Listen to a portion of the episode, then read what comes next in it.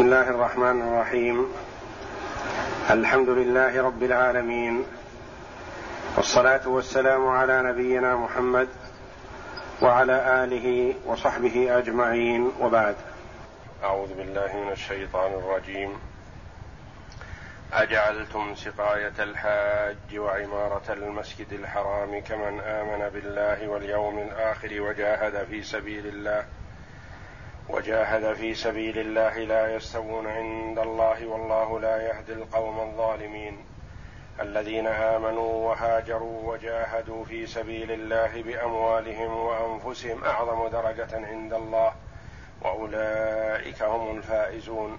يبشرهم ربهم برحمة منه ورضوان وجنات لهم فيها نعيم مقيم. خالدين فيها ابدا. إن الله عنده أجر عظيم.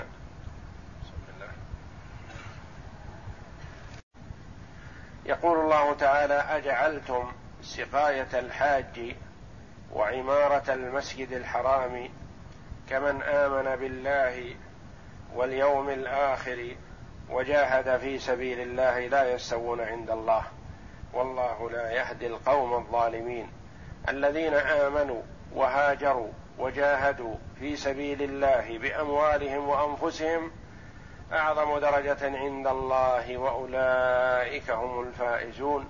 يبشرهم ربهم برحمة منه ورضوان وجنات لهم فيها نعيم مقيم.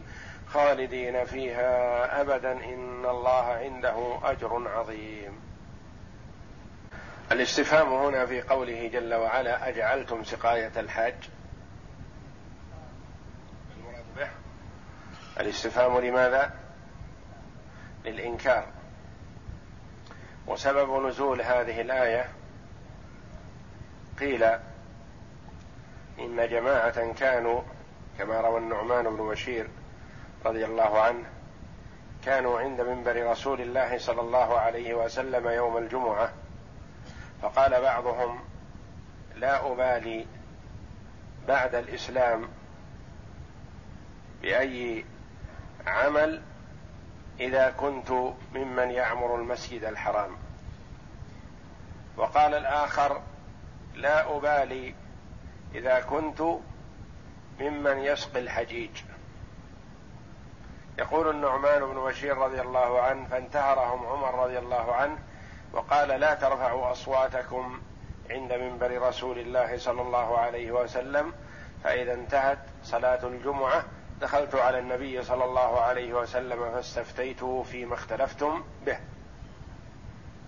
يقول فأنزل الله جل وعلا أجعلتم سقاية الحاج وعمارة المسجد الحرام كمن آمن بالله واليوم الآخر وجاهد في سبيل الله لا يستوون عند الله. يعني الإيمان بالله واليوم الآخر لا يساوي عمارة المسجد الحرام وسقاية الحج. بل الإيمان بالله أفضل من كل عمل. وجهاد في سبيل الله. وقيل في سبب نزولها أن الصحابة رضوان الله عليهم لما أسر العباس رضي الله عنه في موقعة بدر أخذ الصحابة يلومونه وكان أشدهم في ذلك علي. ابن أبي طالب رضي الله عنه. ويوبخ العباس كيف كفرت بالله وقطعت الرحم وأنكرت رسالة محمد صلى الله عليه وسلم. فقال لهم العباس ما لكم تعيروننا بمساوينا ولا تذكرون شيئا من محاسننا؟ فقال علي رضي الله عنه وهل لكم من محاسن قال العباس نعم نحن نعمر المسجد الحرام ونسقي الحجيج ونفك العاني.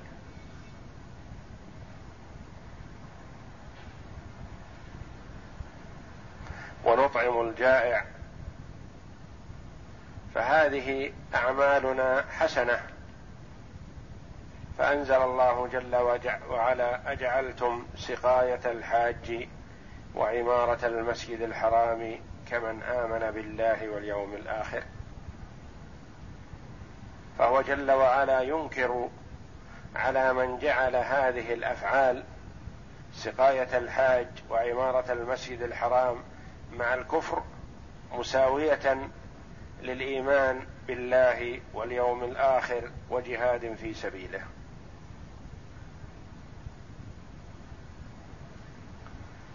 وسقاية وعمارة مصدران. سقى يسقي سقاية وعمر يعمر عمارة.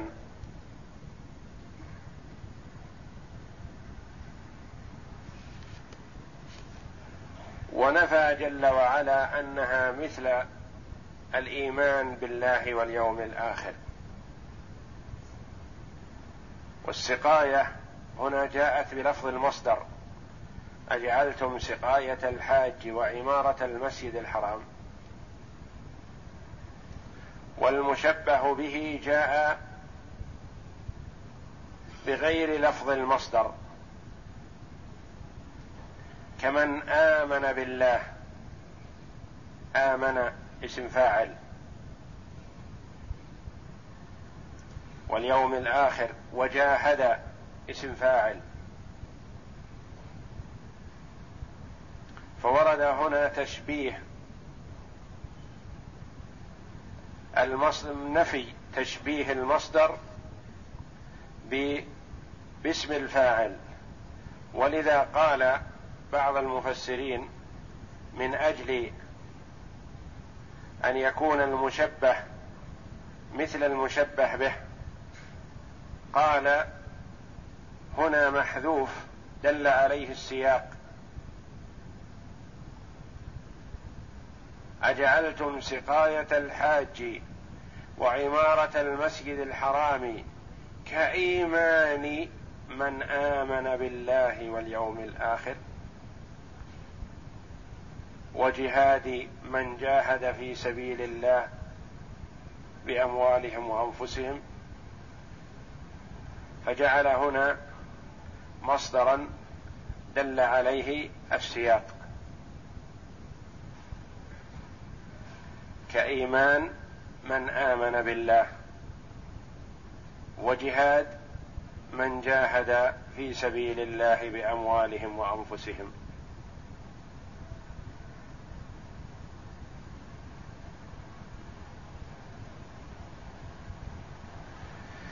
يقول الله جل وعلا لا يستوون عند الله.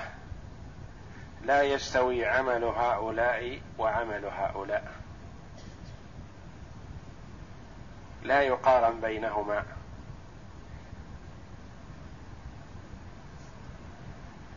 أيهما أفضل؟ ما تبين من سياق هذه الآية حتى الآن. لا يستوون عند الله والله لا يهدي القوم الظالمين.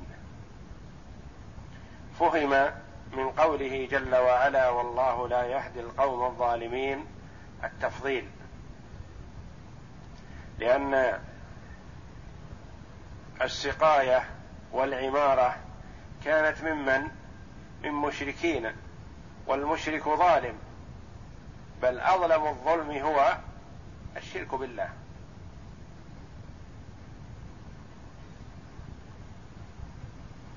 اذا ففهم التفضيل واضح من قوله جل وعلا والله لا يهدي القوم الظالمين فليسوا على هدى والظالمون من هم؟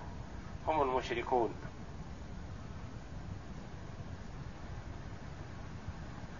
ثم ميز الفريق المفضل بوضوح جل وعلا الذين آمنوا وهاجروا وجاهدوا في سبيل الله بأموالهم وأنفسهم أعظم درجة عند الله وأولئك هم الفائزون.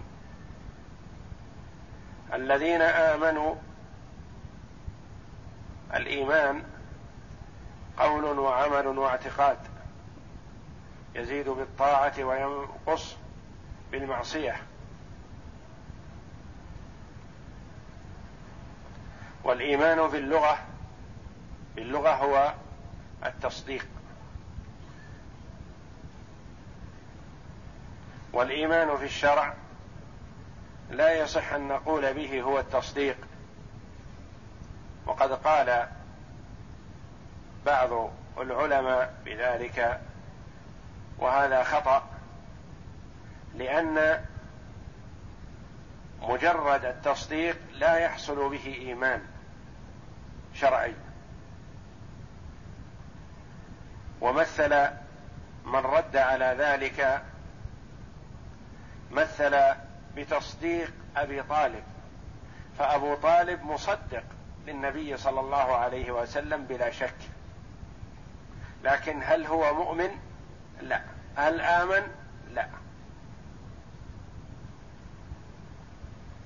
فبعض العلماء عرف الإيمان الشرعي بأنه التصديق ورد عليه وممن رد الإمام المجدد الشيخ محمد بن عبد الوهاب رحمه الله قال لا يجوز أن نعرف الإيمان الشرعي بأنه التصديق. لأن أبا طالب مصدق للنبي صلى الله عليه وسلم ولم يؤمن وليس بمؤمن. اذا فالإيمان الشرعي ما هو؟ قول وعمل واعتقاد. إن وجدت هذه الثلاثة فالمرء مؤمن. وإن اختلت فليس بمؤمن. فإن قال وعمل بدون اعتقاد فهو المنافق.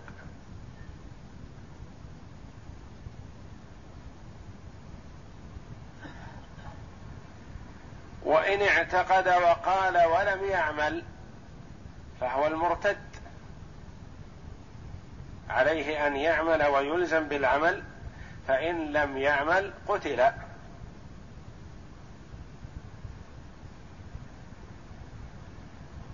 إذا ترك الصلاة وقال أنا أعتقد أن الله جل وعلا هو المستحق للعبادة ولا أصرف شيئا من أنواع العبادة لغير الله وأنطق بالشهادتين إلا أنه لا يصلي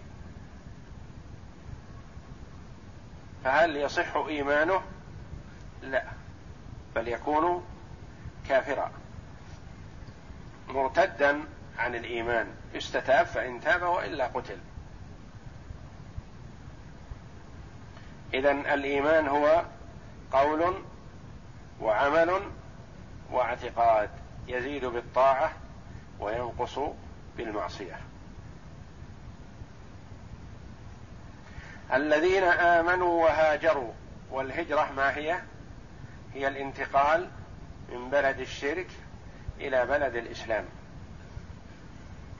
والمراد هنا المهاجرون الذين هاجروا من مكة حينما كانت بلد الكفر والشرك هاجروا إلى المدينة.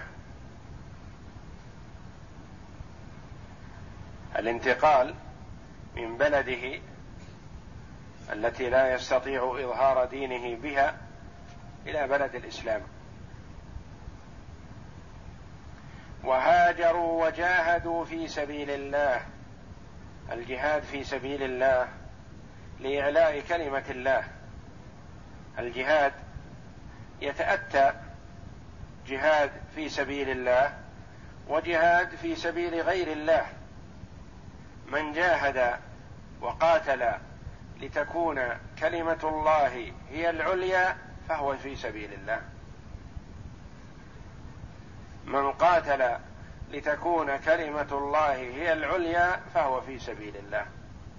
ومن قاتل حمية أو شجاعة أو لأجل رياسة أو نحو ذلك فهو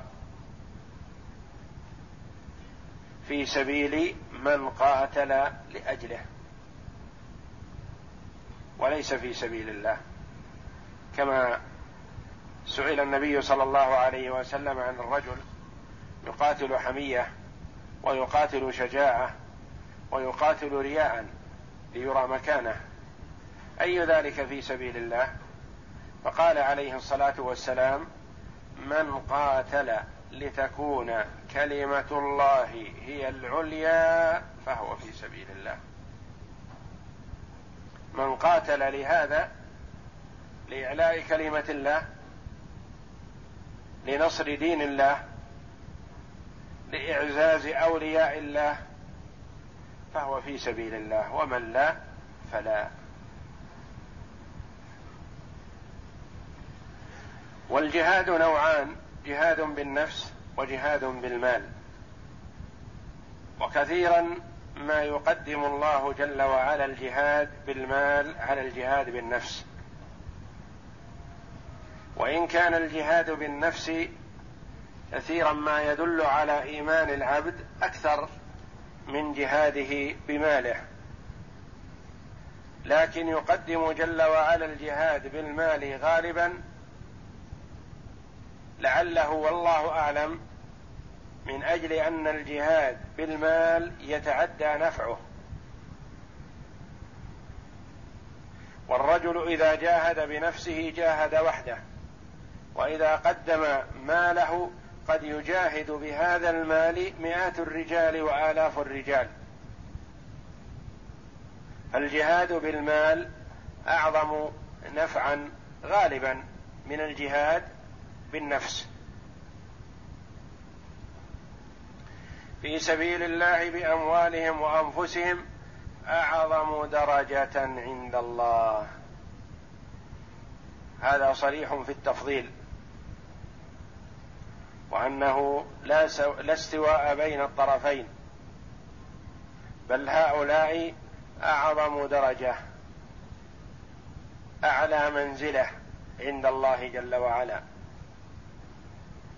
وأولئك أي المتصفون بهذه الصفات المذكورة الإيمان والجهاد والهجرة وأولئك هم الفائزون. الفوز الحقيقي والسعادة الحقيقية. في الدنيا أم في الآخرة أم فيهما معا فيهما معا. لأن طاعة الله جل وعلا هي سعادة العبد في الدنيا والآخرة. فالمؤمن في الدنيا سعيد وإن قل ماله وقل جاهه لأنه يشعر أنه مطيع لله جل وعلا. تجد ضميره مرتاح ومرتاحة نفسه لأنه يشعر أنه أدى ما افترض الله عليه. قام بوظيفته الحقيقية في هذه الحياة وهي عبادة الله جل وعلا. لأن الله جل وعلا يقول وما خلقت الجن والإنس إلا ليعبدون. فمن اتصف بهذه الصفات فهو سعيد في الدنيا يشعر بالسعادة والراحة النفسية وطمأنينة القلب وسعادة الآخرة حينما يقدم على ربه جل وعلا فيجازيه بعمله الصالح ثوابا جزيلا. وأولئك هم الفائزون. يبشرهم ربهم برحمة منه ورضوان. البشارة هي الإخبار بخبر سار. يبشرهم ربهم برحمة منه ورضوان. وورد أن العبد المؤمن يبشر بمنزلته في الجنة قبل أن ينتقل من الدنيا. عند الاحتضار. عندما يحتضر المؤمن يبشر بمنزلته بالجنة فيسر بذلك ويفرح بلقاء الله فيفرح الله جل وعلا بلقائه كما ورد في الحديث.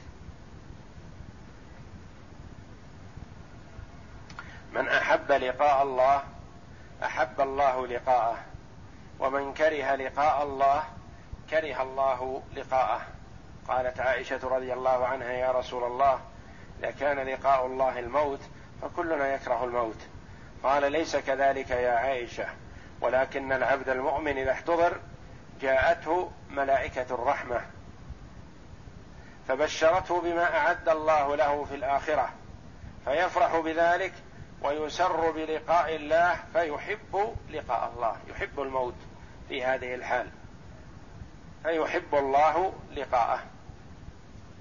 والعبد الكافر والمنافق إذا احتضر جاءته ملائكة العذاب فأخبرته بما أعد الله له في الدار الآخرة من العذاب الشديد فيكره الموت ويكره لقاء الله فيكره الله جل وعلا لقاءه.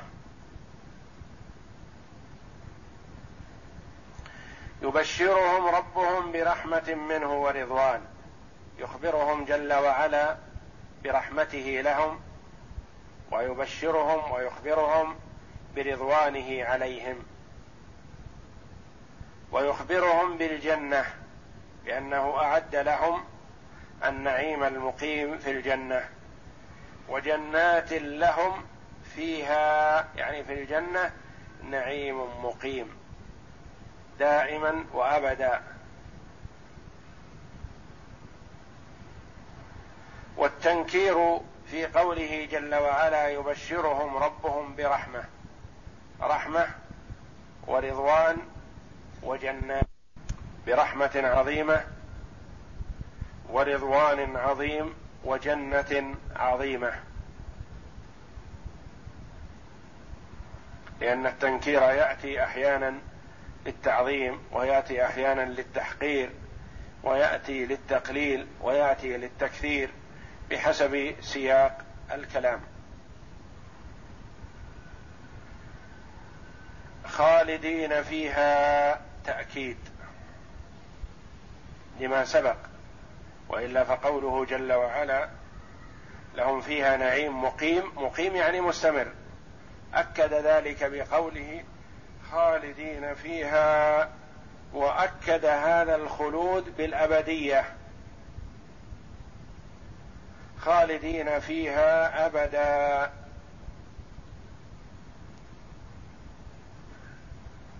ثم ختم الآية بقوله جل وعلا إن الله عنده أجر عظيم. كالتعليل لما سبق. لما يبشرهم ربهم برحمة منه ورضوان وجنات لهم فيها نعيم مقيم خالدين فيها أبدا لأن الله جل وعلا عنده أجر عظيم. لأن الله جل وعلا يعطي العطاء الجزيل فهو واجد ماجد جل وعلا. يعطي عطاء جزيلا عطاؤه لا يحد بحد أو مقدار.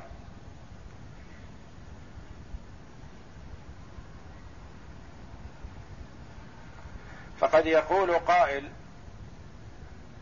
هذا العطاء لعبد واحد فما بالك بكل من اطاع الله؟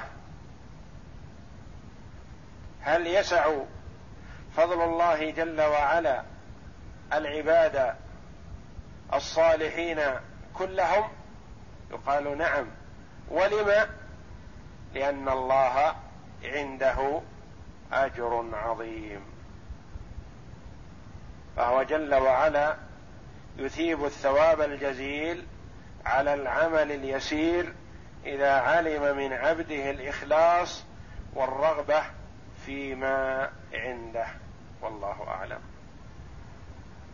بسم الله. أعوذ بالله من الشيطان الرجيم. أجعلتم سقاية الحاج وعمارة المسجد الحرام كمن آمن بالله واليوم الآخر وجاهد في سبيل الله لا يستوون عند الله. والله لا يهدي القوم الظالمين.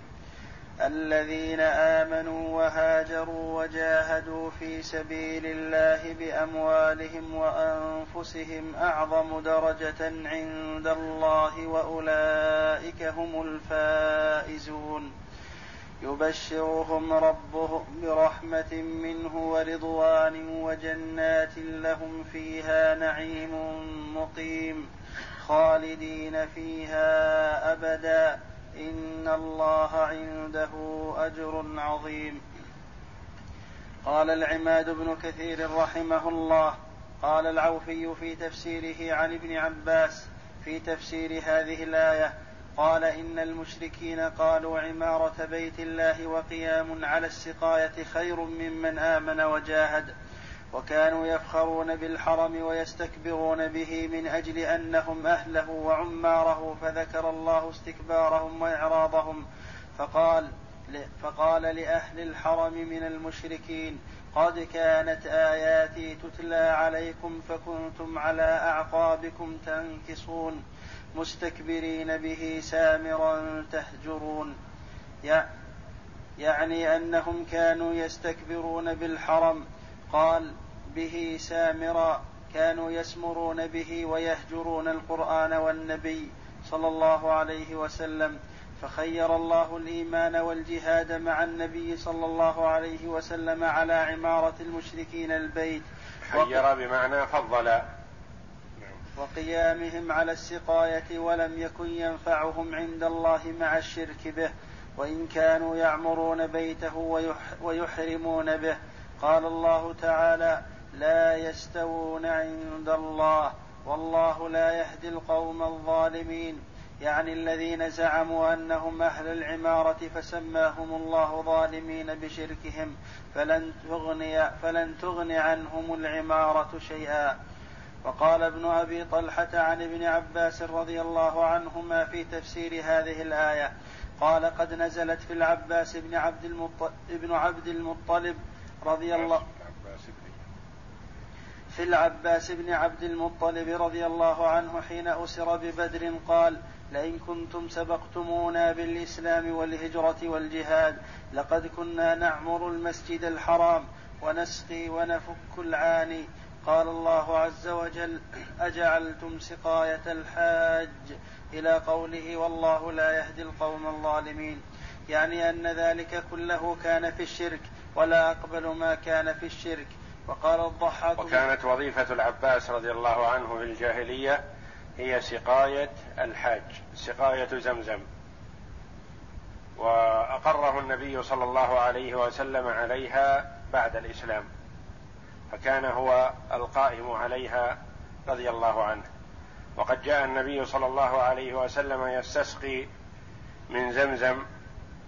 فقال العباس لابنه الفضل يا فضل اذهب إلى أمك فأتي منها بماء للنبي صلى الله عليه وسلم.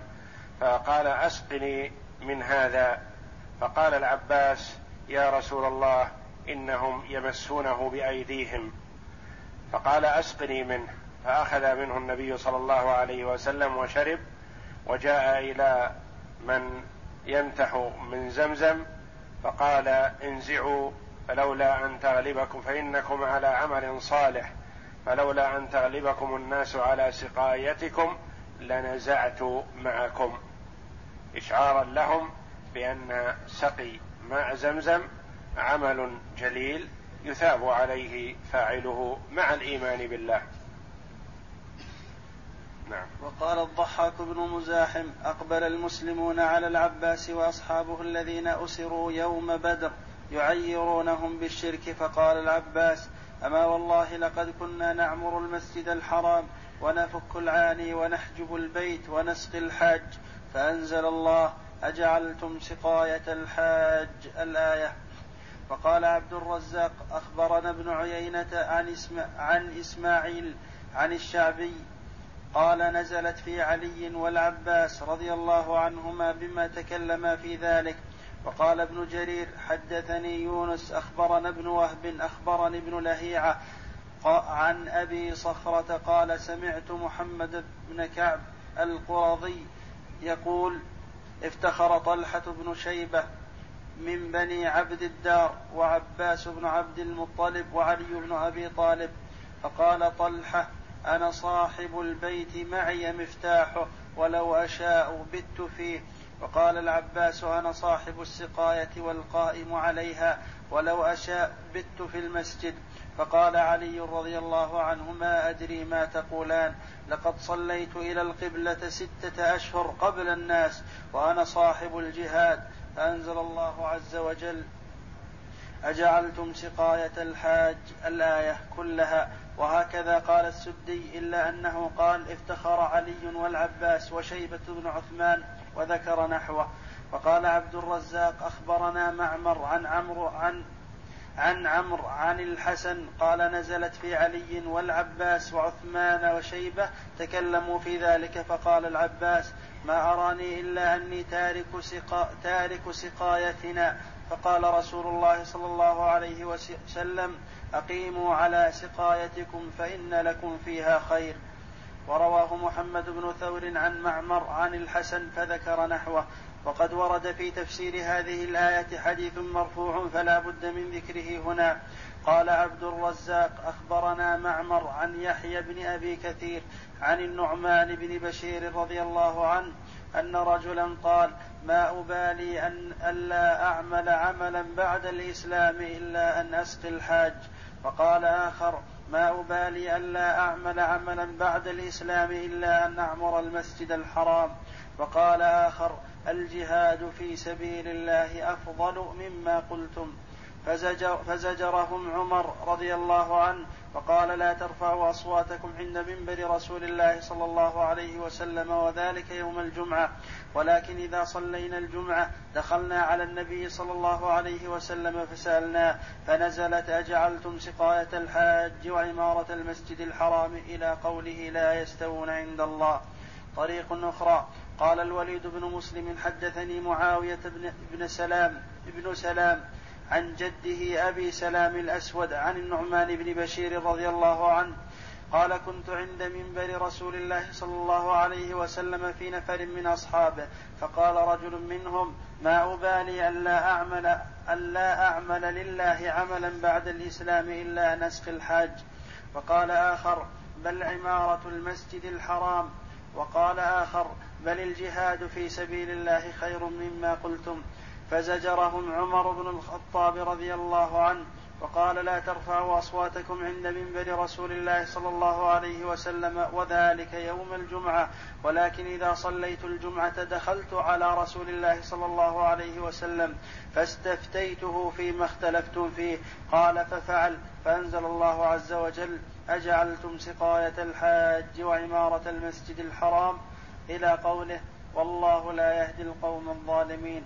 ورواه مسلم في صحيحه وأبو داود وابن جرير وهذا لفظه وابن مردويه وابن أبي حاتم في تفسيرهم وابن حبان في صحيحه.